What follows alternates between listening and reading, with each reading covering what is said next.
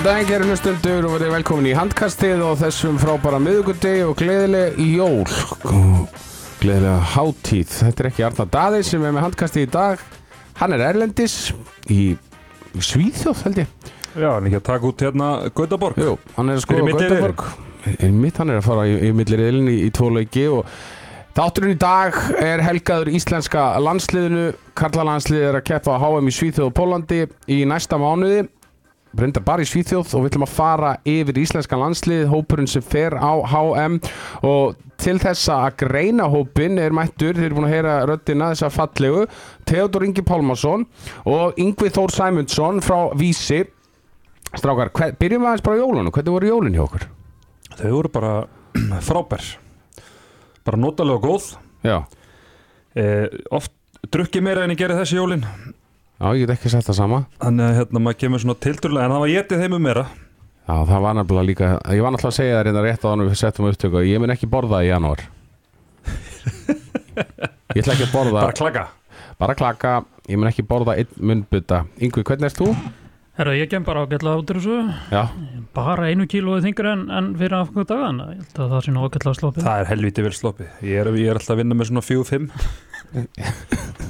ég held ég sé sko í fjó, fjórum eða þremur eða fjórum. sko. já, það skiptir ekki máli Nei, nei, Skiptir máli hvað þú gerir á milli nýjars og jóla Já. Ekki jóla og nýjars gamla góða hérna stefið. Ákveð Herðu, strákar, íslenska landsliði, það eru tveir handbóltaleikir hjá þeim núna á, á næstunni og mútið þjóðurum úti, kannski svona reynir maður sér við þá leiki á eftir en Gummi Gum tilkynnti 19 manna hóp núna á Þorláksmessu á ammælistægin sinn uh, Þetta, þú varst með mér hérna í míningarðinum og vorum að hitta hans upp fyrir þetta og, og greina þetta, ertu búin að melta hópin eitthvað síðan þá?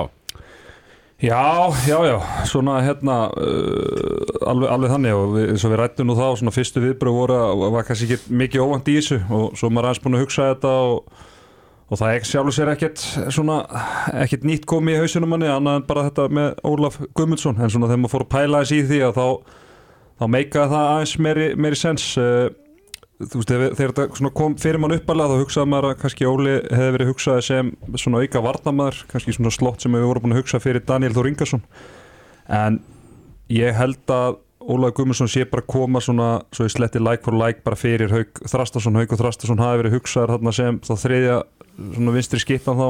Já, getur- segir við, mig í viðtali sem sagt, uh, eftir blamarfundinu hann ætlaði sér að taka Haug Þrastarsson með. Já, hann ætla að taka hann með uh, Við séum Aron Pálmarsson, hann hefur meist uh, hann er svona ekki náð að halda út þessi stórmót oft á tíðum, þannig að það er kannski eðlilegt bara að taka þrjár svona hreinræktar vinstri skittur að leikmið sem geta spila, spila þar, þannig að ég held að Óla Gummarsson sé bara koma þar aðalega inn bara í stað Hugs Þrastarssona sko. Já, Yngvi, hvernig fannst þér hópun svona þegar þú sást hann fyrst? uh, bara fátt sér koma óvart það er kannski helst þetta með eins og segir Óla Guðmundsson því hann náttúrulega hefur ekkert spilað með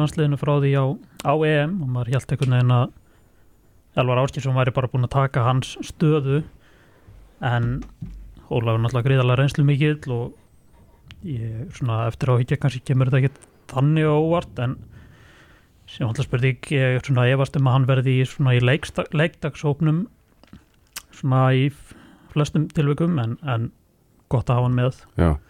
Hann er líka, ég meina, eins og þú segir Yngvi hann er með mjög mikla reynslu þetta Já, já, ég meina hann spilaði á sinu fyrsta stórmóti EM 2010 mm þegar við lendum í, í þriðasetti það voru fyrstu stórmótinu honum og, og Aroni og, og hérna og hann hefur bara nánast verið uh, svona allan langt flestu stórmótum síðan. Hann, hérna, hann er komið gríla reynslu og uh, vel yfir hundra landsleiki. Þannig að hérna, þetta, þetta er bara mjög eðlegt þetta, er, þetta er hópur sem að hann er kannski ekki kótn ungur hópurinn okkar en, en, en svona menn kannski ekki með mörg stórmót á bakinu, svona margi hverjir þannig að er gott að hafa bara sem flesta sem að hafa, hafa reynslu. Já, heldur betur. Er náttúrulega eini þetta er bara einn einn af þremur sem er með yfir hundralandsleiki þannig að kannski segja þetta þessi hópur sé ekkit gríðarlega svona ágættis aldrei að þá eru landsleikafjöldi hvers og eins ekkit rosalega mikill. Já, byrju þetta er Bjöggi þetta er Aron og, Og Óli. Óli. Já, Já, já, já, Bjarki Mári er nefnilega með 91 landsleik sko, maður hefði með aldurinn sko, hann kemur bara sent inn í landslið Já, náttúrulega Stefán Rapp var lengi vel undan honum. Að hérna, það voru ansi mörg mótin sem hann þurfti bara að sitja heima. Mm Sko, strákar, hann tekur þrjá markverði og hann útskýrir það á blagamannafundunum vel því að, Viktor Gísli hefur verið að klíma við meðsli í Uh, Ágúst Eli kemur inn í hópin og, og Björgvin og, og Viktor voru náttúrulega svona svolítið sjálfvaldir með hvernig þeir hafa báður verið að spila. Uh, Hvað fannst þér um það yngvi að vera með er þetta ekki nokkuð eðlilega svona ráðstöfun hjá Gumma? Jú, sérstaklega, eins og segir, sérstaklega ljósi meðsla Viktor og það er bara svona skýr svona valdaröðum þarna. Viktor nummer 1, Björgvin 2 og Ágústili 3 Mm og þetta teimi hefur verið þetta hefur verið okkar teimi síðustu ár og verður það næstu árin. Það er líka eitt í þessu tendi, sko, ég held að það gæti alveg verið þannig að Viktor Gísli þurfi bara svolítið að kvíla á milli leikja. Þannig að sko, hann æfi kannski minna, sko. Nei, þetta er hugsað þannig að, að uh, ef Viktor Gísli er, ef staðan og honum er bara þokkarlega þegar líður á mótinu þá er Ágúst Eli bara ekki að fara með út sko. þá er Nei. hann bara í startólunum heima. Já, uh, Við megum tilkynna átján inn á mótið þó hann velji 90 manna hóp og pælingi með því er svo að uh, Ágúst Eli spili eða verði þá í kringum í þessum þjóðurarleikjum þannig að Viktor Gísli kannski getur ekki spila þá báða það er innan við sólurringur á milli þeirra leikja uh, æfi með þeim, þannig að sé hægt að stýra álæginu á Viktor Gísla svona fram, Mhm. að, fram að móti, það veist að hann er bara ennþá að jafna sig af þessum meðslum uh, svo verður bara staðan tekið fyrir mót og ef að Viktor Gísli staðan og honum er þokkarlega, þá bara verður Ágúst Eli heima og hann fer með tvo markmenn út að, en ef að Viktor Gísli er tæpur, þá mun Ágúst Eli vantarlega fara með á, á kostna þá vantarlega einhvers annars kannski þá svona auðlösi kostur eða svona auðlösi maður þar var það Ólaug Gummisson en Mhm. þeir vilja náttúrulega forðast það í lengstulu að þurfa að eyða skiptingum við höfum fimm skiptingar á mótunni inn og út úr þessum átjumanna hóp. Mhm. og þú vilti lengstulu forðast það kannski þurfa að skipta Ágúst Eli inn fyrir Viktor Gísla og svo mögulega skipta sko Viktor Gísla aftur inn ef hann er búin að jafna sig sko, þú veist, þá ertu búin að eyða tveim skiptingum strax sko, þannig að, þannig að þetta var svona þangagangurinn með að taka hann inn í þetta og, og hans staða var útskýr vel fyrir honum eins og gummi fór yfir á, á blaðmannfund Já, sko, hérna, ef við bara pælum í þessu markvara teimi, Björgum Páll og Viktor Gísli Hallgrímsson Yngvi, þetta þetta hefur oft verið töluvert, einhvern veginn ekki kannski verra, ég ætla ekki að nota verra en þú veist, þetta hefur oft verið, þetta hefur oft litið aðeins svona ver út.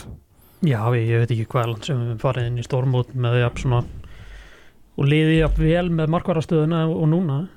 Það er örgulega bara það er örgulega að fara tíu ára áttur í tíman bara olimpíuleikan í Peking. Nei, í London 2012 tó- Jú.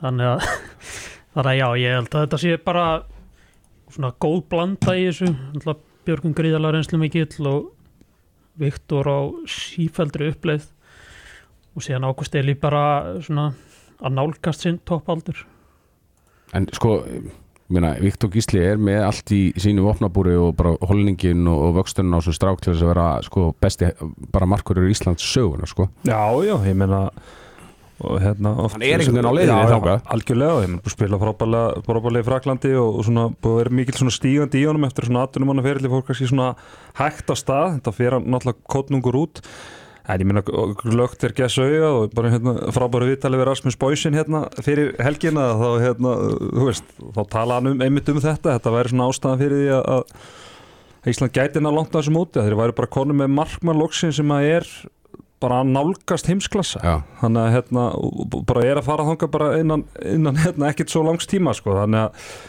það er bara frábært fyrir okkur að vera loksins, loksins komið með svona manna þessu kaliberi Sko þetta hefur verið umræðan bara síðan svona 2004 eða eitthvað sem ég svona byrjaði svona alveg að fulla að fylgjast með íslenska landslifinu. Það er alltaf þessu umræða. Við erum með frábært lið en markverðinir mættu vera betri. Já, já, og já, ég hef nú fylgst með þessu frá bara aðeins lengra aftur og víst, þetta verður aldrei verið talin okkar besta staða Nei, bara örgulega frá því aldrei bara, nei. kannski það reyna Þorvarason var upp á sitt besta eða eitthvað þannig Hann var reynda frábær 89. já, já, þá var ég mann lítið eftir því móti Ég er reynda man ekkert eftir því móti en, en ég er búin að horfa á það móti alveg ógeðslátt sko. en já, ég held að en núna er þetta bara staða sem er mjög sterk hjá okkur og, Mhm. og það geti breytt í þessu Þetta er náttúrulega þannig að að spánverjar, danir, frakkar hafa í gegnum- tíðina síðastliðin 15 ár verið bara með sinn besta leikmann nánast í, í þessari stöðu. Sko. mm -hmm. Svíjar, Já, svíjar, einmitt. já, já og, Og, þetta, og ég meina þetta eru lið sem hafa verið að fara lengst. já, já, og það er nú bara þetta, svona grafa djúft í það sko, það er nú verið svona umræðan ofta að, að svona á Íslandi er það þannig að, að allan svona þegar ég var alast upp að það var kannski svona svo sem að var vest íþróttumæður stundu settur í marki sko en, en í, í Svíþjóð þá var mest íþróttumæður pikkaður út og gerður á markmanni. Mm en ég meina þetta er að breytast og það er náttúrulega mikið vattur undir sjáar og búið að taka miklu betur utan um þetta hérna heima og ég heldur mig eftir að fá bara fleiri öfluga leikmenn markmenn inn á, á, á næstu árum sumulegði sko, þannig að Þetta er bara mjög, mjög jákvæmt og, og spennandi. Já, heldur betur, vinstri hotna mennindir, þegar hann tekur tvo og hann hefur nú verið að gera það svona undanfarin mót tekur Bjarkam á Elísson sem sennilega spilar, hann er komin í þessa hvað maður að segja, Guðjón Valls uh, í það hlutverk einhvern veginn, hann er bara spilar mun spila 90% og svo tekur hann Hákon Daða Styrmisson. Og það var svona skma, kannski smá spurningamerki strákar, Hákon Daði eða Orri eða Stíven en, en endar á Hákonni og, og kannski svona eftir á kannski rétt ákvörðun. Já, bara mjög skiljanlega ákvörðun. Stíven var svona, hann hefði verið svona val fólksins en Hákon er að spila í sterkustu þeld í heimi í svona liði sem er bara miðadeld 50 markaðastu þar. Bara mjög eðlert val Það tala, þetta, það tala margir um sko varnar hérna, uh, hlutverk sko Stevens. Mm -hmm. hversu góður varnamar hann er en það er ekki eiginlega gerlegt að koma honum inn í, í varnarleik íslenska landstinsins eh, með 0 mínútur á bækinu Nei, nei, það var sko umræðan var mikið sko valið á milli alað þessar tveggja, Norri var kannski svolítið svona dottinutu þeirri umræðan en ég held þetta hafi verið bara mjög auðvelt var fyrir Gumma þá hann hefði sagt að það hefði verið erfitt sko, ég menna þótt með leikmann sem hafi búin að vera í kringum íslenska landslið, er aðeins reyndari og er að spila í, í búndislíkunni þó að sé að koma tilbaka eftir meðsli, svo vortum við annar leikmann sem er jú vissulega búin að spila frábælega en, en, með núl landsleiki, uh -huh. þannig að fara að taka hann inn í, í, í hlutverk. Hefði bara verið mjög svona ógummagumlegt sko, getur við sagt. Og, uh -huh. og hérna, og alveg svo segir líka með þetta að nota hann í bakverði að þú drilla það ekki á einhverju nokkru dögum fyrir svona stuttu fyrir mót og mena, þetta var sama umræða að var með Stefán Rapp hérna á sínu tíma að hann hefði verið valinn frekar en Bjarki af því að hérna hann gæti spila bakverðu varnalega munið það eftir eitthvað mörgum leikjum og stórmótum sem Stefán Rapp spilaði bakverðu varnalega Nei, ég bara reyna mann ekki eftir Ég held ekki, það er, eða, eða var nokkuð tíma sko, það, það verið einhverju algjörum íflugmynd þannig að að hérna, já, ég, ég held að hann hafi bara verið að horfa á þetta sem bara hreinrætt á hodnamenn og þá er þetta valskililegt en Stífinn klálega bankur og dittnar fyrir framtíðina, ekki spurning. Sko, Þetta var svona kannski svona augljóst fyrsta guðmundu valdan ekki í þessa umspilsleiki þarna móti Íslandi og Ísrael. Já, þá var það svona freka tveir freka þægilegi leikir, það hefur rætt að koma um aðeins inn. Mm. en fyrsta valdan ekki þá og þá var Hákon alltaf að fara með. Og Hákon hefði alltaf farið með á síðasta EM ef hann hefði ekki meðst Já, ef við tölum um Bjarkam á Elísson sem spilar hér á Vesprem í Ungvarlandi uh, þekkir það illa að tapa leikjum þessa stundina því að hann gerir ekkit að því. Uh, bara eitt besti vinstri hóllamadurinn í, í boltanum í dag. Já, já, ekki nokkuð spurning og bara tölfræðin bakka það upp og bara frábær slútari, frábær hraðablusmaður og hann er kannski ekki rosalega íþróttumæður sem Guður Valur var en ég held að það sé virkulega bara betri að slúta heldur mm. en hann hann er hérna bara frábært að geta bara tekið hann inn í þetta þegar við mistum út úr Já, það er einhverja ekkert eðlilega mikilvægt að vera með hotnamann báðu, á báðum vangjónum sem bara þeir eru báður með þess að þannig þeir nánast misnóta ekki færi sko. þeir Nei. eru bara í 85, 88, 90% sko. Já, já, Bjarki, hann er ekki í einhvern svona hann er með mikla skotakni en hann er ekkert svona mikið að að fara út fyrir bóksi, hann er ekkert mikið að snúa eða vippa eða með eitthvað svona slaufur, þetta er bara hann klárar færin svona óbúslega öruglega og vel. Já. og kannski já eini svona sem ekki dettur í hug hodnamaður á svona heimsmæli hverða sem er gæti talast betur en hann. Ég veit samt ekki hvort hann er er Hampus Vanni svíin hjá Barcelona? Já. Kannski bara að segja svona og ég minna að segja þessi sjálf, hann er komin í á færtusaldur og samt næru vesperum í hann Já, minnst þetta frábær punktur með sko, hann er ekki með þessu snúninga og hann er ekki að hausa markurinn að teddi, þú veist, hann bara elskar að skora, mm -hmm. þarf ekkert að gera það fallegt, hann veit bara stati flott Já, hann er mjög markagráður sem er góðu kostur, sérstaklega þegar þú ert uh, hótnamaður og Já. hérna sem við kvöllum að eins og í hraðablum að stela metrum, hann er, hann er frábær því tímasetja hlaupi sín, hann er eitthvað, þetta er ekkert eitthvað fljótasti hodnamaðurinn í, í, í bransanum en hann bara gerir þetta vel, hann svona fer af stað alveg á hárættu augnabliki og næra stela, stela nokkur metrum og, og já, já, bara ég er sammála það sem þið segir, hann hefur hann hefur þetta allt saman, við höfum alveg séð hann taka snúlur og, og, og hérna hausa og allt þetta en, en, en það er svona sparri Herri, frábærir tveir hodnamenn, við ætlum að fara yfir í vinstri skiptuðnar, þeir eru þrýr og það er Aron Pálmarsson Elvar Áskersson og Ólafur Andris Guðmundsson, sko Aron Pálmarsson náttúrulega mikið búið að fjalla um hann síðustu daga. Og uh, búin að skrifa undir við fimmleikafélagið þetta uh, hvaða áhrif heldur þetta hafi á Aron Pálmarsson á þessu móti? Ég held að þetta hefur bara jákvæð áhrif ég held að nú sé bara mjög létt að það sé búið að klára þetta. Eins og kom fram í, í vittalinu þá er þetta búið að svona standi yfir í einhverja mánuði og búið að liggja svolítið þungt á honum að vera með þetta í, í maganum og, og þurfa að tilkynna núverandi vinnuvendu sínu þetta. En, en að þetta sé bara búið og klappa og klárt held ég að hafi til skemmri tíma mjög jákvæð áhrif á Aron. Hvað áhrif það hefur að koma heim og, og svona áhrifin á hans spilamennsku með landsliðinni í framhaldin það verður bara komið ljós hvort, að, hvort hann droppi eða bara verði ferskari skilum, það er, svo sem skiptir ekki máli núna þar sem hann er að spila spila úti en, en ég, já, ég held að þetta muni frekar hafa bara jákvæð en neikvæð áhrif allavega til skamstíma liti sko. Já, ég er svolítið sammála þessu, Yngvi. Ég held að hann geti núna farið á þetta mót svolítið gladur, spenntur þú veist, er að koma aftur heim til Íslands eftir magnaðan feril og kannski bara ný, mun njóta sín. Já, já, en nú aftur er Aron í umræðinu fyrir stórmót en núna er þetta að jákvæðandu hann er að koma heim, fekk þessa frábæru svona serimóniu þarna á 22. desember. Og bara svona virkar svona góð, góð áræður hún. Já, sko hann hefur uh, ég man ekki sko spila he heill í gegnum hvaða mörg þú veist, hann hefur einhvern veginn alltaf mist eitthvað eins og út af meðslum Já, meðslum Ég meina- eða COVID eða Já. hvað það er sko. Já, það var líka með, meðsli núna á síðasta móti. Já, já, já, nákvæmlega. Ég er bara að pæla, þú veist þarf gummi ekki aðeins kannski að reykja á þetta? Þú veist, fara kannski smá varlega með hann ég meina, við, við höfum ekki, ef við ætlum okkur allaleið mm í undanáslut eða eitthvað slíkt þá verður hann að spila allt mótið. Já, en ég held að, og við sáum kannski svona aðeins glimpsur að því á, á síðasta móti að sko umræðan um Aron Pálmarsson bara frá því svona 2013-14 er að einhvern veginn hann þarf að vera með 10 mörki leik og, og 15 stóðsendinga til að við um ykkur á möguleika sko.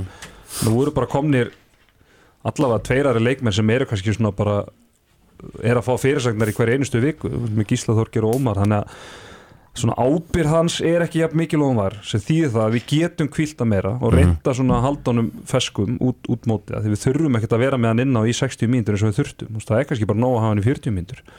Og ef við náum því og náum að halda honum í gennum móti sko, er alltaf klálega einhverja okkar okkar möguleika og ég held að það sé eins og ég nefndi á hann að hluta til ástæðan fyrir að hann tekur Óla Guðmundsson inn til Ja. að vera með fleiri valkosti til að geta rúlað árinu, svo náttúrulega við erum ekki búin að nefna Elvert Jónsson getur náttúrulega lista sömu leiði sko. Já, sko, ég, ég, ég er bara að pæla, þú veist, við erum með í riðli sem er svona nokkuð slungin, yngvi mm. milliriðlin aftur á móti sem við, við munum alltaf, alltaf mæta svíum þar og svo er óljóst hvað tveir aðrir anstæðingar verða þar, þeir eru ekki að fara að vera hátt skrifaðir sko, ef við ætlum okkur í undanúslit og þá getur allt gerst mm þá, að mínu mati þó að við séum með Ómaringa og Gísla Þorgir, þá verður Aron Pálmarsson að vera bara nokkuð fitt Já, já, en við höfum satt sínda síndum á síðasta mánuði að við getum gert góða hluti og stunni stóra leikja ánans gerna það í milliriðli og meiri sér leikunum út Ungverjalandi þar sem hann átti ekki sem besta leik. Mm þá náðu við samt að Kristofan Sigur frammi fyrir 20.000 áhörundum þannig að en klálega náttúrulega mikilvægt að fá gott framlag frá Aronni og maður, það væri gaman núna að fá sjá hann verða betri eftir því sem líður á móti. Mhm. hann hefur oft byrjað með kvelli en síðan svona lótti fara aðeins úr blöðurinn Já, ég, bara, veist, ég er alveg sammála sko, að við getum spilað vel þetta ánans en ég er að hugsa um sko, ég er bara að hugsa um gullið. Mm -hmm. og til þess að fá gullið þá getur hann ekki verið þú veist, bara upp í stúku eða eitthvað slúðis það er bara Mhm. mun ekki, ég held að það get ekki gest skilju, ef við ætlum að fara og spila til úrslita á stórmóti, þá verður hann að vera inn á vellinum. Já, já, og hann er líka hefur sínt það margóft, náttúrulega sérstaklega með sínu félagsliðum að hann er maður stóruleikina þegar sviðið er stærst að þá, þá spilar hann best þannig að hann er klart mál en ég meina það verður, ég meina því miður það hefur bara meðst ansi, ansi mikið. Þannig að bara verkefni og, og markmið teimisins er náttúrulega þá bara að stýra álæðinu þannig að hann sé bara heilt út mútið Mhm. og það, er, það gerur ekki með spilunum 50 myndum í hverju minnsta leik sko. Nei, ég er alveg 100% sammála. Annar leikmaður sem er í þessari stöðu, Elvar Áskeinsson kemur inn í, í, í mótið núna síðastlegin janúar fyrir uh, árið síðan. Uh, hann bara stóð svo frábærlega á því móti, yngvi. Já, ef einhverjum manni hefur einhver tíma verið hent beint út í djúpulögin þá var það Elvar Áskessunni á síðasta móti. Já. Menna, fyrsta landsleikurinn hans er á móti dönum í milliriðli Já. og hann þarf að byrja þann leik. Og hann er einu landsleikendur sem hann hefur spilað er á þessu ári.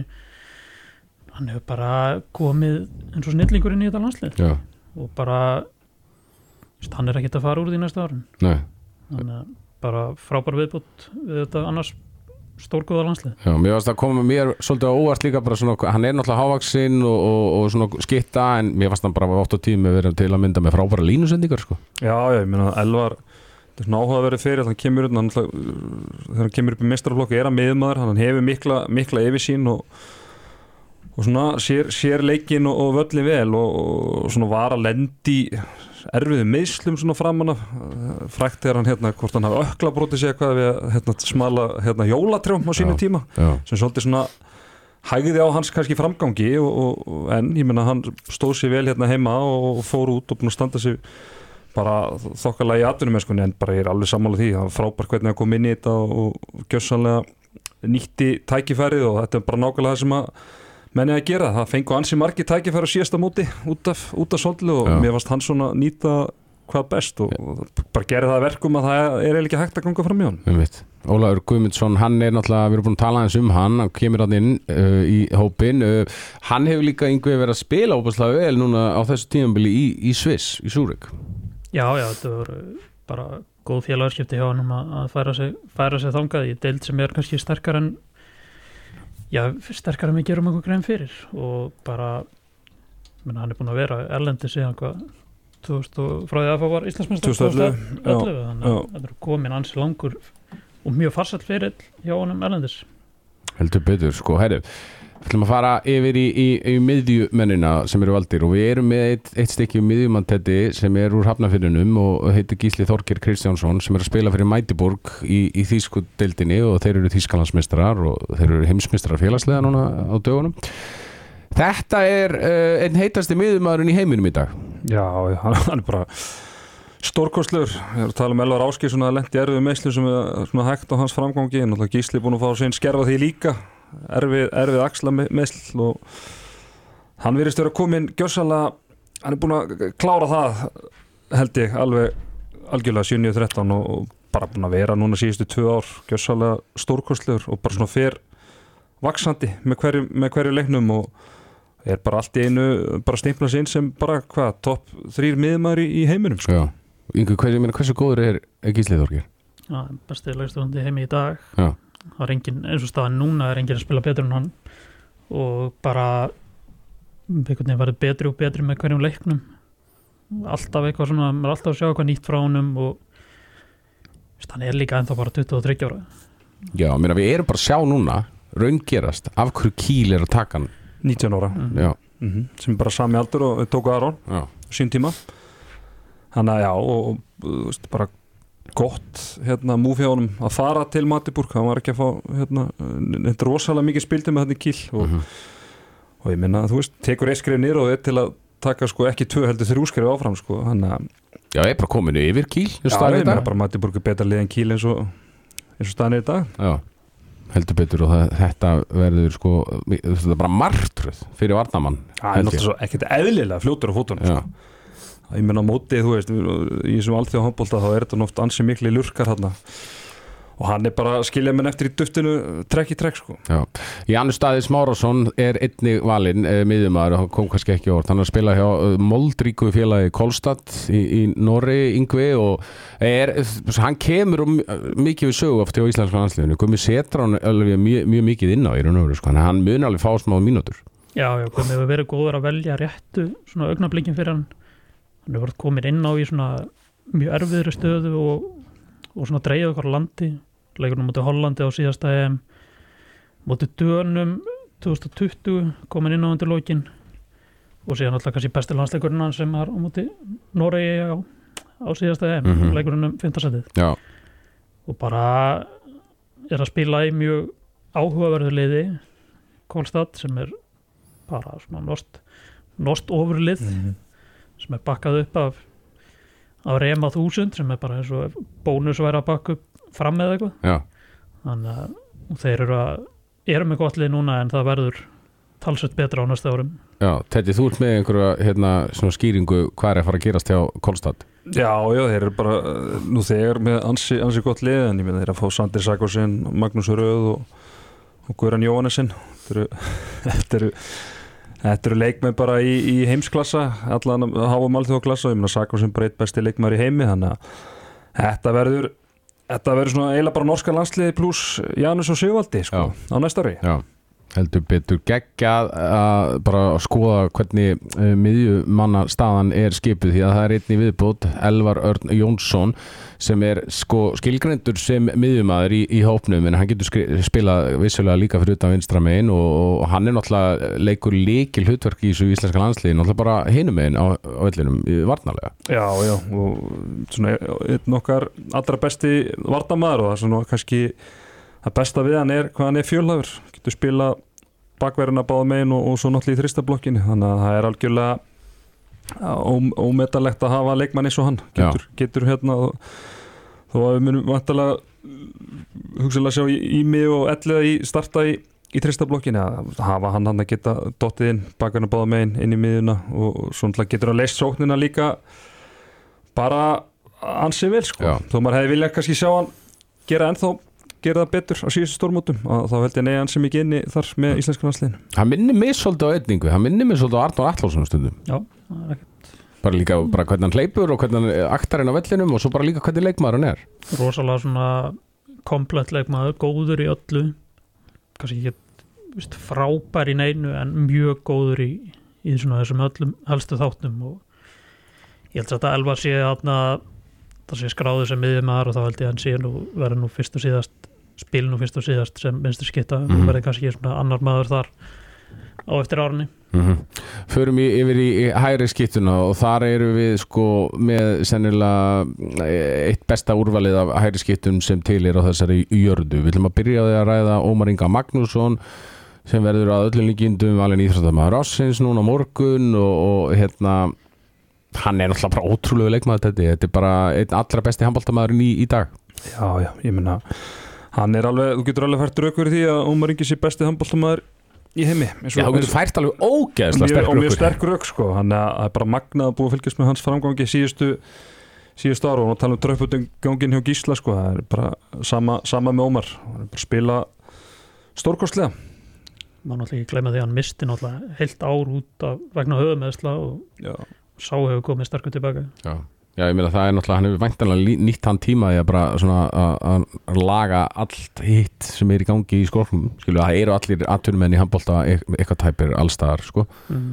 þannig að ef þú ert að glíma á höfumöðslu, þá getur allavega nýtt að reyna að kvíla bara alla vöðu og allt bara. Já, já, það er náttúrulega bara líka með ómar að það er svona þú veist, þetta er ekkert eitthvað að gerast á einhverjum hérna ljósaraðar sko, það er bara eins og hann sjáu leikin í slow motion sko, það er bara og sjáu fyrir hvert varnamærin er að reyfa sig og þetta er alveg sko Þetta er smá eins og Þetta er, er svona bara poetry in motion sko, að horfa á hann spilastundum Ég meina ef við förum í samanbyrðin, þetta er bara svolítið eins og Messi.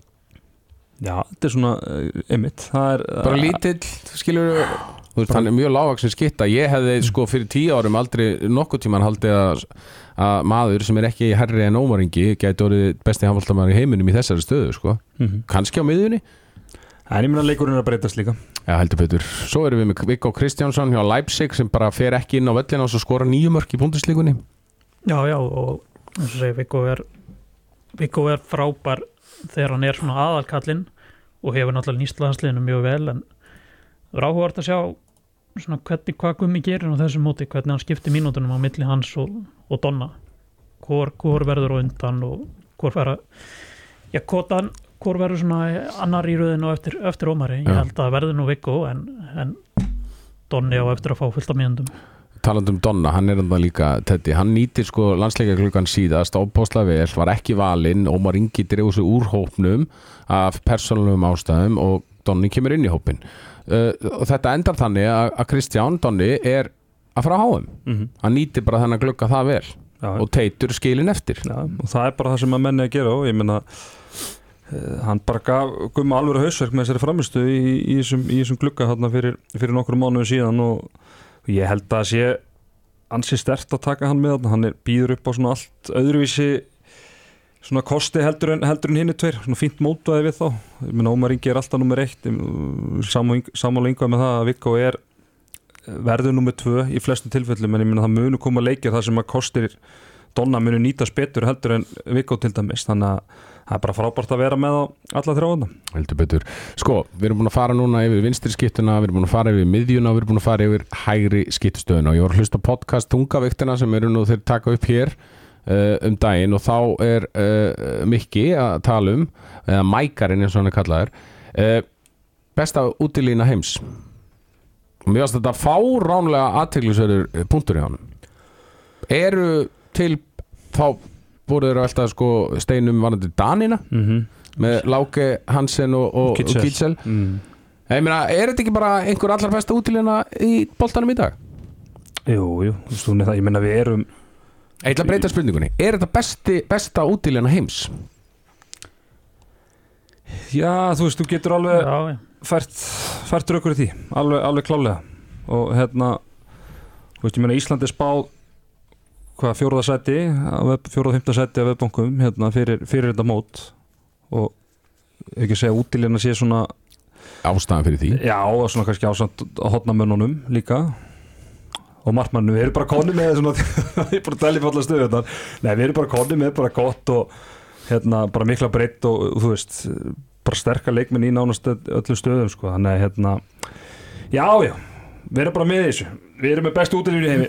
Ég meina, ef við bara, hérna fyrirsögnin er komin, kekja eh, eh, Sko, ef við byrjum bara saman hérna danska liðið Láke á miðunni Mikkel í, í vinstri skittu og Gítsel hægra megin. Sko, Aron vs. Mikkel segjum að Mikkel hafi hérna betur þar í sambundinum að mínu mati er já, mér finnst bara Gísli Þorki miklu betur en Láke og mér finnst Ómar Ingi vera betur en Gítsel Já, já, já.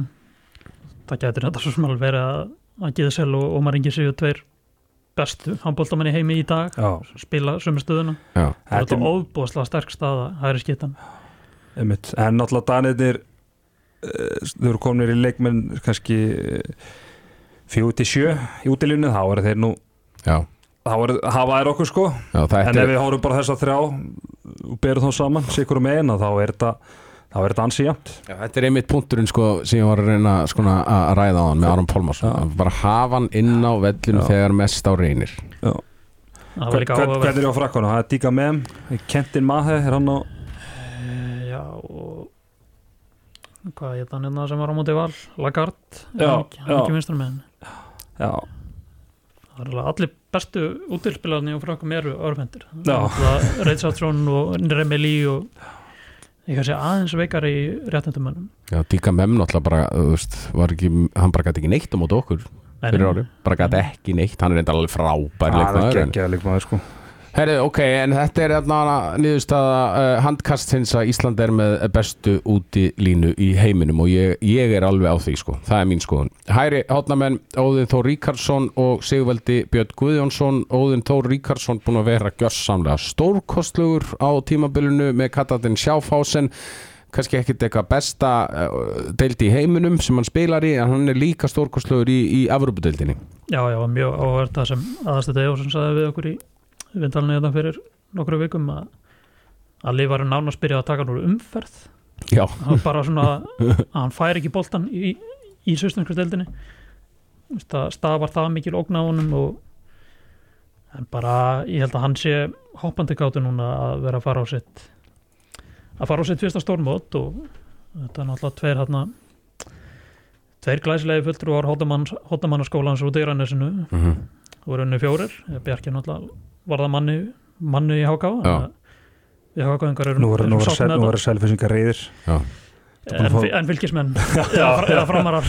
Já, hann var, hann Það var, það sem er ekki við F-fáingar líka hann á einum söndi júni leik með okkur. Hann var þetta ára að fór út. frábær í þeim leik Það var þetta mjög góður í þeim leik Herri, en ég meina, þetta er samt munur uh, sko á við síðasta stórmót þegar að hann tekur bara Sigvald út og, og Gummi segir sko í viðtali á, eftir blagamannafundin uh, að hann svona kannski sá aðeins eftir þessu.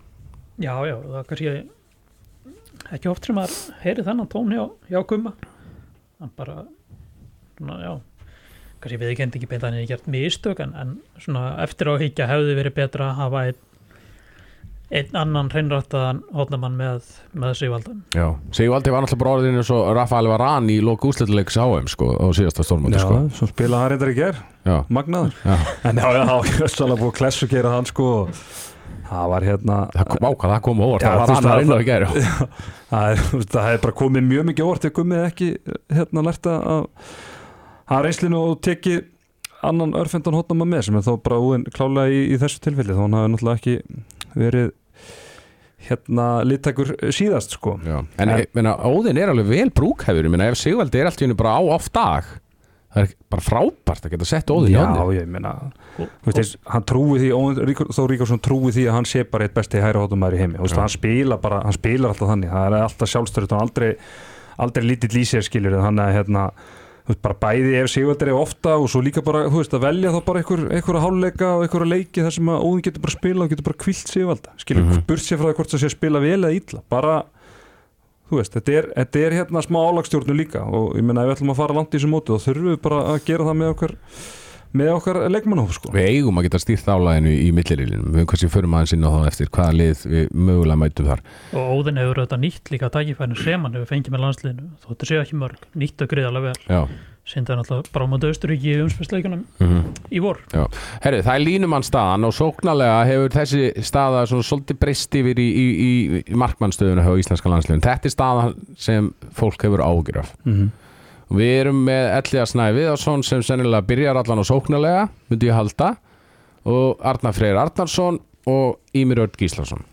Elliði allt, allt, að... allt leikmenn sem eru að spila í þýsku búndislíkunni er, er það ekki svona ágættis við höfum ágjör stöðu þar sem við erum, við erum að manna með þrem leikmennum í þýsku búndislíkunni það kannski segir ímislegt um styrkleika íslenska já lýsis ég, það er bara frábæra punktur en, en Elliði hefur verið að spila nokkuð vel sko hjá Gúmusbakk, sóknarlega, hann Já. skora full. hann har skorað mikið en, en það er kannski vandamáli hans hefur verið eins og við kannski séð allan á síðasta stormóti að nýtingin hún er ekkert frábær, hún held að sé með kringu 65% nýtingu sem er bara lélegt þegar þú ert lýrum maður þú ert alltaf í döðafæri hann Já. er hérna, þú veist, ef hann er að koma þessu upp í svona 75% tala ekki um 80, sko, þá er þetta bara þá erum við með alvöru, alvöru, hérna, alvöru leikmann í höndunum en hérna svona mikilvæg hans varnarlega er náttúrulega, náttúrulega mikið en ég, svona, ég sé ekki annað en elli byrji Mm með þessa þrjá sko En vippundur hans Elliða á síðast Já, hann má hætta því. Það er bara- bara vonandi sjáum ekkert Já. af þeim Nei, bara sleftu þá, þá gríti ég ykkur í sjónvarpi Já, en sko. Ardafreyr, ég held að það sé hann náttúrulega átti mjög góð innkomu á síðasta móti, setnafólkin á móti Ungurlandi Mhm. þegar við varum að spila á móti Bensbán Hitti Mhm. við höfum verið í greiðanlega vandræðum með hann og hann náttúrulega býður upp á það aukt við hinn á tvo að þá er þetta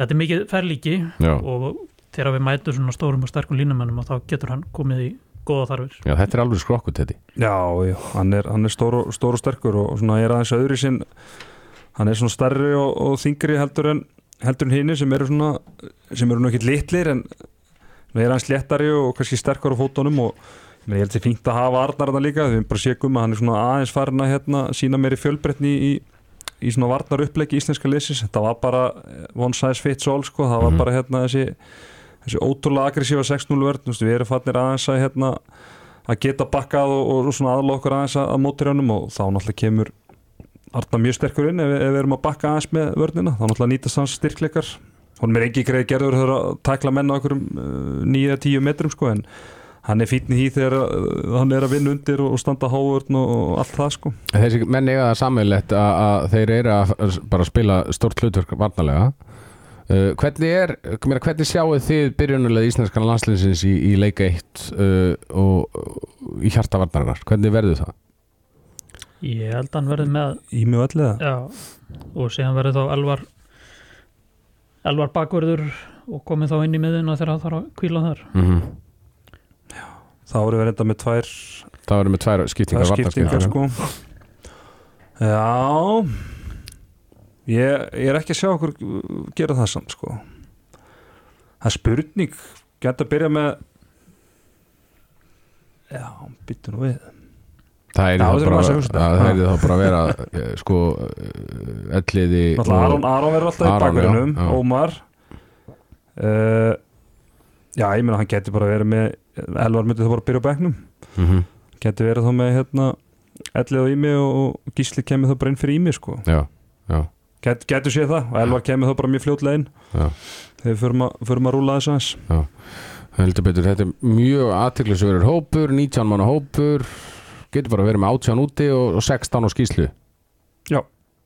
Tveir í fyrir stúku. Þeir eru stúli Hver, Hverju verið í fyrir stúku? Í fyrsta leik uh, það, Arnar Freyr. Mm, það verður Ólafi Guðmusson Já, og ætla að vera ekki með Donna. Já, jú. Jú, ég held að það sé rétt með því Ég ætla að segja Ólafur og ég held að byrja með Óðinn undan hóps það getur líka verið heldur betur. Förum yfir í þessa leiki sem við erum að fara að spila núna við Þýskaland. Og uh, alvöru æfingaleikir.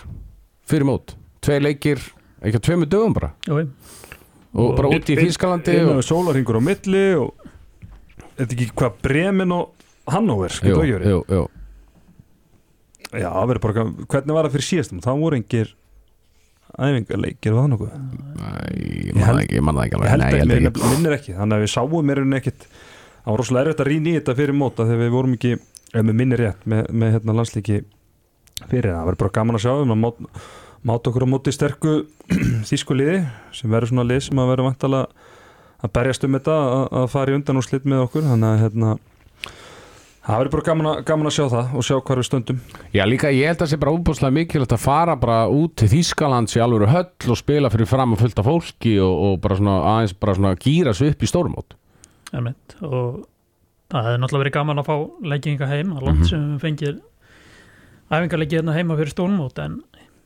þú slar ekki hendina á móti tveimur leikjum á móti Þískalandi Nei.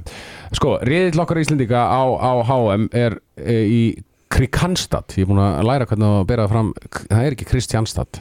Ha, Það er Krikanstad býta á pólsku þá Nei, nei, það er bara sænsku, kallir mig. Ég er bara með þetta alveg 100% Kríkanstad Krikanstad ah, Google it. Herru, hérna, hérna ég, ætla, ég er bara að fakt checka þetta. Nei, ég er búin að fá þetta frá Svíþjóð. Já, ok. Lókallinn segir Já, þetta er eitthvað mállíska Já, þetta er eitthvað málinska Já, Herru, riðillin okkar, það er Portugal, Ungverjaland og Suður Kórea. Þú veist, maður hefði getað fengið sko miklu auðveldari riðil á HM sko.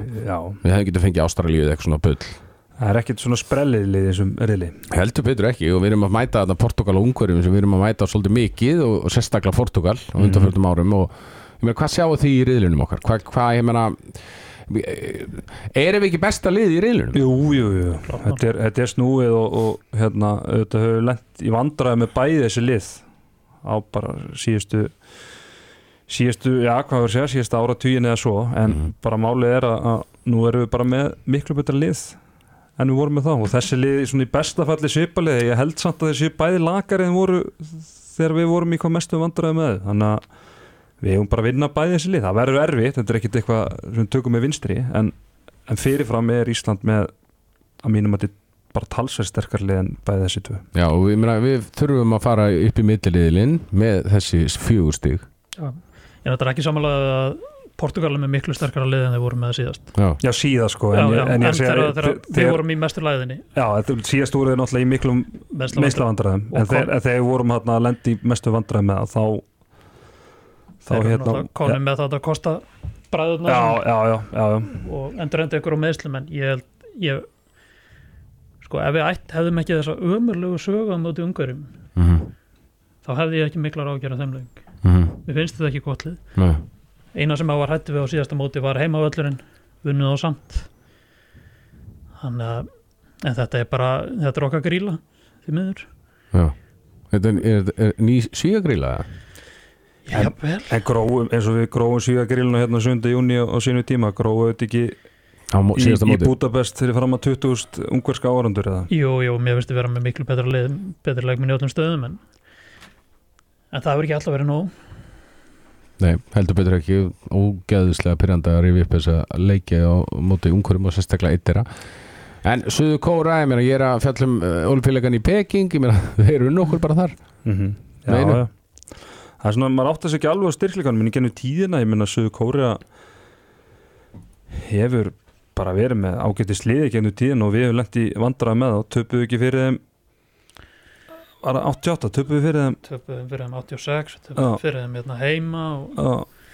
þannig að þeir á alveg verið okkur erfiðir og náttúrulega við töpum fyrir þeim á, á olimpíuleikunum í, mm. í Peking þannig að en eru þeir ekki, ég held að þessi þriðja, svona, þriðja sterkasta að síðu þjóðin þannig að það er, kemur mjög óvart ef við fengjum ekki tvö stíð út af þeim leik Var ekki mikilvægt að vinna bara alla þessa leiki þetta? Jú, jú, að sjálfsögðu að sjálfsögðu. Hérna, uh, sérstaklega svona í ljósið þess ef við, ef við, hérna, við kannski ræðum það betur eftir við fyrir mjög millir il en við náttúrulega viljum vinna hann líka og svona viljum hafa þetta þannig að leikur við síð þá verður þá bara úslita leikur um hvort liði vinnur millir il Já, sko, förum í milliriðilin því að það er, við mætum svíum þar það er, þú veist, það er það óvæntasta í sögu handbóltan sem við myndum ekki mæta svíum í milliriðilinum mm -hmm. síðan eru þarna lið sem við mætum semst tvö af þessum þremur, það er Grænhöfða eigar, Uruguay eða Brasilia Við mætum grænhöðum og Brasilíu Já, ég held að það sé svona svona með, maður svona kynnti sér þetta aðeins að, að ég held að grænhöðar séu með tölvöld betra lið en, en Uruguay þetta er rauninni svona ég hafði þetta ekkert, ég vissi, ég var ekki búin að gera neina heimöðinu, ég hefði haldið að Grænhöfða eigar væri bara, sko, aldrei að fara að komast upp. Bara, bara máli með grænhöðar þetta er hérna Portugals nýlenda. Já. og svona eins og við sáum í fótboltanu núna á HM eins og með Marako þótt að séu landslið sem er Marako þá er þetta mestmægnis bara frakkar spáir eða hollendingar sko. Leikmenn sem eru fættir fættir og uppeldi þar og, og eh, þú veist, ég sko að það eru leikmenn að spila með Benfica og Sporting og svona lið sem hafa verið í Európa-kjapnunum þannig að það eru kannski leikmenn sem eru uppaldir í Portugal en, en, en eru með ættatengsl mm. þangað en kannski komist ekki í portugalska landslið þannig að hérna, þetta er ekkit eitthvað þetta er ekki gott lið en þetta er ekkit svona uh, sprellilið held ég sko eins og mér skilst á úrukvæði sko, sem eru vist bara arvarslækir Já, sko ég meina til þess að að fara langt í mótuningu eins og Teddy talar um að að vinna riðilinn, það er stórt og það er ógislega mikilvægt þegar þú ferði áttalega úrslutin að fá þá innan gæsalappa lakari anstæðing Einmitt. og náttúrulega ég held að líka leikurinn í öllu öðru móti hjá okkur sé fyrsta leikurinn á móti Portugal sem Mhm. við nú að fara upp úr reyðlina með okkur og það verður ef við vinnum ekki þann leik þá verður svona áhugavert að sjá hvernig við tökumst á við það mm -hmm. bæði liðið og bara þjóðin því að náttúrulega væntingastöðullin er hann er hár. Ég meina hann hefur ekki verið hærri í tíu ár.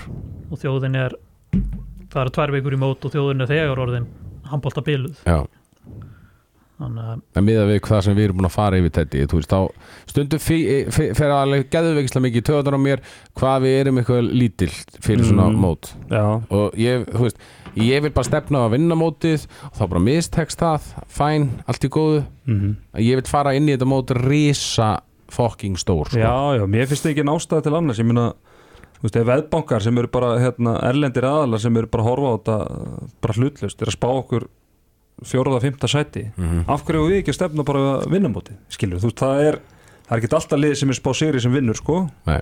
en þú veist, það er oft hérna liðið sem eru báða fjóra og fymta sæti er oft að vinna þessi mót þannig að ja, allan fyrir mittleiti bara koma okkur allan í undanúslit og, og menna, þá getur bara þá getur bara allt gæst en við munum fá erfiðan leik í átla úrstunum ef, við gerum bara ráð fyrir og, og okkar vonur og er það komist, komist þá Danir eða já.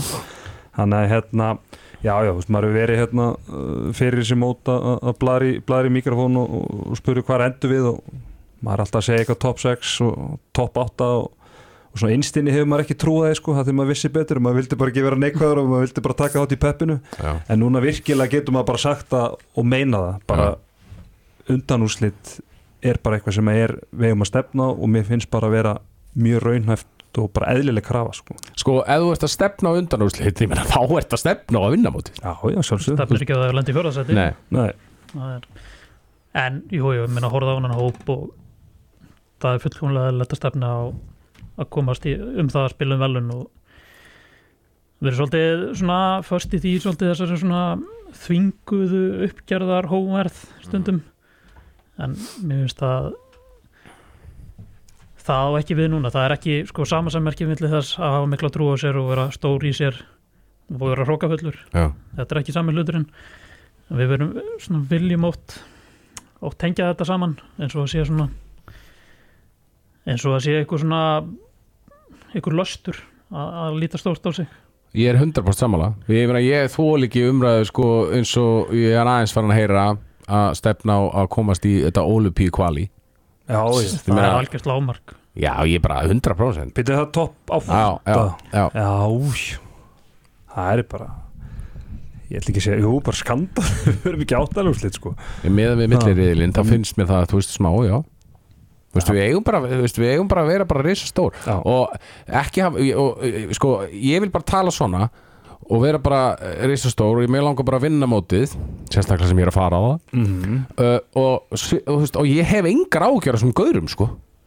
Þeir ráða alveg við þessu umræðu, sko. Já, já, hvað heldur að þeir séu að ræða sín á milli? Já, þeir eru allir að spila í eða flestir að spila í liðum þar sem bestu mennindar okkar eru að spila í li- sigurliðum. Já, ég veit ég ger mig alveg, ég held að Guðmundur hafi alveg áhugir af þessu skilur Mhm. en hann, þú veist, hann á bara að treysta þessu strákum. Þetta eru strákar að spila bara hæsta leveli skilur, þetta eru bara þetta eru bara, ef við förum yfir í fótboltatenginguna þá er þetta bara stæðstu gaurarnir í, í fótboltanum skilur, þeir ráða alveg við að við séum að ræða hérna, herru, bara vinnum mótið. Það er svo við séum ennþá brend eða þeir sem eru ákveðnum aldrei séu ennþá brendir á umræðinu eftir, um olimpíuleikana í Seoul 88 Já, það eru allir já, að vinna Olupíuleikunum 2012 þarf ekki, það var ekki að fara lengur aftur en það, sko. Já, Það þá allir við bara að vinna, meina þá unnu en við þá var sannarlega einu stæði fyrir Já, já, Já, ég meina þeir voru íslenska landslega með besta, lands, eh, besta liðið á er 2012 unnu, unnu reyðil með, með frökkum og svíum, sko unnum alla leikina þú veist, við vorum með plus 35 í, í mörk í markatölu Já. eftir þetta og þú veist, þetta var bara við vorum með besta liðið 2012 og getur enginn annar sagt neitt annað, það var bara ungveski draugurinn sem hent okkur í, í, út úr þeim leikum sko. Já, er, þetta er Voldemortin okkar. Já. leikur sem má ekki tala um. Já. En En- við, við, það er bara samt holdt að tala um þetta. Nei, maður, maður á ekki, maður á ekki að hérna, grafa vandamálin, maður á bara að vinna, vinna úr þeim. díla við þetta rétt mjög Mm. rétt, það kemur okkur á góðum nótum núna á þessu móti en, en að stráka spáin ykkar, ég meina hvað haldið að- að að gerist? Og hvað þarf að gerast til þess að íslenska landsliði fari í undanúslit Já, við þurfum sko svona ef maður horfir á þetta eh, bara út frá líkum, hvað er svona maður þannig aðeins að spá í spilin hvað gerist í hinnum reilunum líka. En til þess að komast í undanúslit þá þurfum við að uh, annarkvort að vinna Svíþjóð eða Danmörk já, já. ef við vinnum ekki Svíþjóð þá mætu við þá mætu við líklega dönum. Já.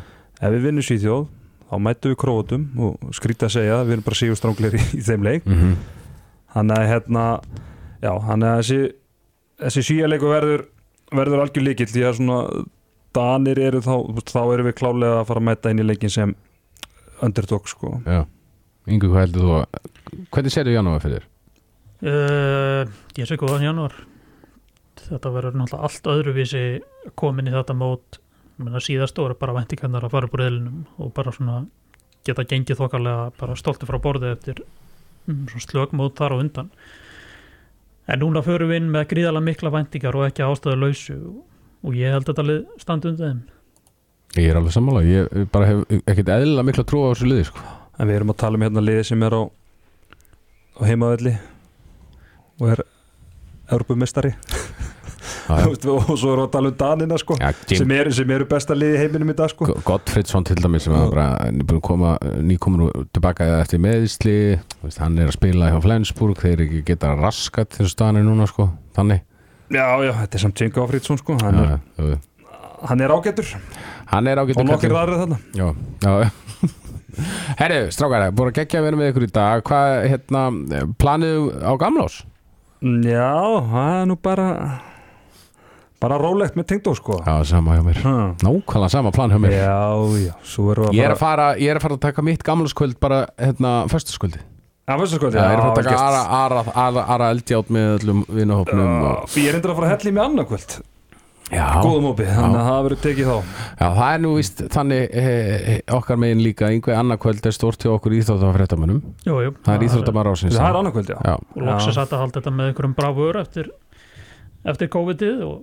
Það er já Já, bara það verður gaman að mæta í hörpuna og Hvað er langt síðan þetta var svona já, óspennandi fyrirfram? Er uh, það bara 2016? á Gilvi Já, til, þetta er Það er bara síðan Óli vann hann að ári í röð Já. ég held ég. eina sem er spennandi er hvort hann fær fullt úr já. Og hver lendur í öðru, öðru og þriðja sko Já. Það er, svona, ég heldur endur að það sé ekki spennandi hver endur í öðru og er þriðja það golvarinn hann ég held að Glótis og Gísli Þorger það verður 2G í Já En, en golvarinn, er hann ekki hann fara hann ekki á ást? Jú, jú, hann er alltaf fimm. lista, Já, lista topp hjá mér sko. Þetta þetta verður- þetta 3G í efstu fjórum held ég. Já, Gísli Glótis og Guðmundur Ágúst já. Já Kekja, Teddy, ætl þú út í janúar? Eh, Ég fer út ef að við förum í undanúslit Já, Ég er búin að gefa þátt Ég er áeil ekki heimagengt fyrir en þarna þá helgina. Bara út að vinnu. Já, en uh, þú veist, ef við förum í áttar úslit þá erum við alltaf að fara að spila þarna föstudeginum og sunnudeginum, þá bara um, um sæti. Já. En það er bara svo mikið vonbreið að fara ekki undanúslit þannig að ég ætla ekki að fara nema við förum í undanúslit Þú getur komið og kist upp í hjá kallinu Já, jú, jú. Það er ekkert veginn Þannig ég þarf ekki að greiða gísningu Nei. Herðu, Yngvi, þú verður hérna á Íslandi að að fjalla um mótið uh, við líkslaborðið Já, já, sjá til þess að allt væri allt væri vel fram hérna og maður hlakka til. Þetta er alltaf staðstu þetta er staðsti íþróttamánuðurinn hjá okkur. Já, það er landin elskar handbóltanlandslið já, og ég get sagt ykkur það kæru hlustundur að, við hér á, á sín Vísir og stöð 2 og Bilgjan erum að, senda heljarana lið út. Uh, það hefur aldrei verið, held ég, sendt svona stór, stór hópur, við erum með tvo uh, hérna, tökumenn í raun og veru, við erum með ljósmyndara og, og tökumann og, og ljósmyndaran verður græðar þannig að hann getur tekið upp eh, myndbönd, þannig að við erum í raun og veru með tvo tökumenn og svo fer ég út og, og Henry Birgir Gunnarsson, við erum fjórir að fara frá Vísi og stöð 2 þannig að við á Vísi og kvöldfættum stöðar 2 og, bara út um all, alla miðla sínar verður brjálaðislega mikil HM umfjöllun og handkastið verður náttúrulega risastórt. Já, já, heldur betur. Hann er búin að græja bara önnu podcast held ég bara ég held að sé bara annarkvært podcast á Íslandi sem er að fara að mæta hérna. Já, hann er búin, að- þetta er alveg sérfræðingum. fáránlega ég er alveg að hlusta á pittin. Já, það er helvíti skemmtilegir. Já, það var svona, ég var að hlusta á þetta þetta kom eins og mjög þvæl á tímabili að þegar sko þú þarft að hlusta að Lóa Gersson bara til að hjartengja þig. Já, það er bara svona til að hjartengja þáttið, það var mjög gott að fá það góða spjall þannig inn í miðan þátt sko. En þetta er það sem gerist alltaf í hverjum janúar. Það eru bara allir að tala um íslenska handbóltalandsliði Já, já, Skilur við. allir skoðun á þessu og allir saman hversu djúpur þú ert í í þessum handbóltafræðum en, en hérna við skulum gera eitt. Ef að ef við förum í undan og slitt mm þá hittust við í miðborg Stokkóls og tökum um bett Já, klárt. Við hérna podcast. Já, tökum, já, tökum bara, við tökum bara við, og Henry verðum með við verðum með sko daglega þætti og Henry úti sem hérna heita bara einfallega HM í dag. Þú kemur í, í, í þann Já, þátt. já, já. Og við, Verður það í mynd? eða? Já, það verður í mynd. Ljón hugulegi menn. Ég verð með sminkgræður með og að ég þarf að sminka Henry og Smíka Herri strákar, geggja verið með ykkur í dag og hérna gleðilega hátíð kæru hlustundur og þau tveir líka og í notalega stund á, á gamlarskvöld skaupið er alltaf, alltaf á sínum stað og maður horfir alltaf á það og, og gaman að síðan Og að og kryddsíldin og sportsíldin Já, já. strax á eftir. Kryddsíldin, ég er búin að horfa á kryddsíldina sem ég var bara pínu lítill sko. þetta er bara því líkur partur af mínum gamlastegi Új, Menn að fá sér og sportsíldin með Kjartan Atla og, og Helunu Ólafs verður síðan uh, strax í kjölfærið, einhver þú ert nú að vera að vinna því, það ekki? Jú, jú, ég er með hérna stórgóð einslag lofa mikill flugvöldasingu Já, ég tók handbólta hérna yfirferðina yfir Ólisteild Karla og talandu það, Ólisteild Karla. Ég var að fara yfir þetta þetta hvernig Ólisteild var á síðast tímabili. Úslitakefni var miklu betri en með myndi sko. mm. bara hrikalega og skemmtilega Já, ég- bara mér fannst þetta að vera, svona í minningunum var þetta bara, valsmenn bara svona hvernig keirðu í gegnum þetta, það var ekki tannig Nei, IBF bjargaði svo eila sko. Bara 100 Það ég menna þú veist eh, bæði sko síðustu tvei leikindi sem alveg vinnur ég menna Við fengum þrjá spennandi leiki já, í úrslutum já, já, Já. ég er að segja þú veist þú er að vinni þetta 3-1 og, og svona við horfum kannski á svona úrslutakefna fram að því þá kannski er í minningunni að þetta hafi verið miklir, miklir yfirbyrðir þá 3-0, 3-0 og, og 3-1 Já.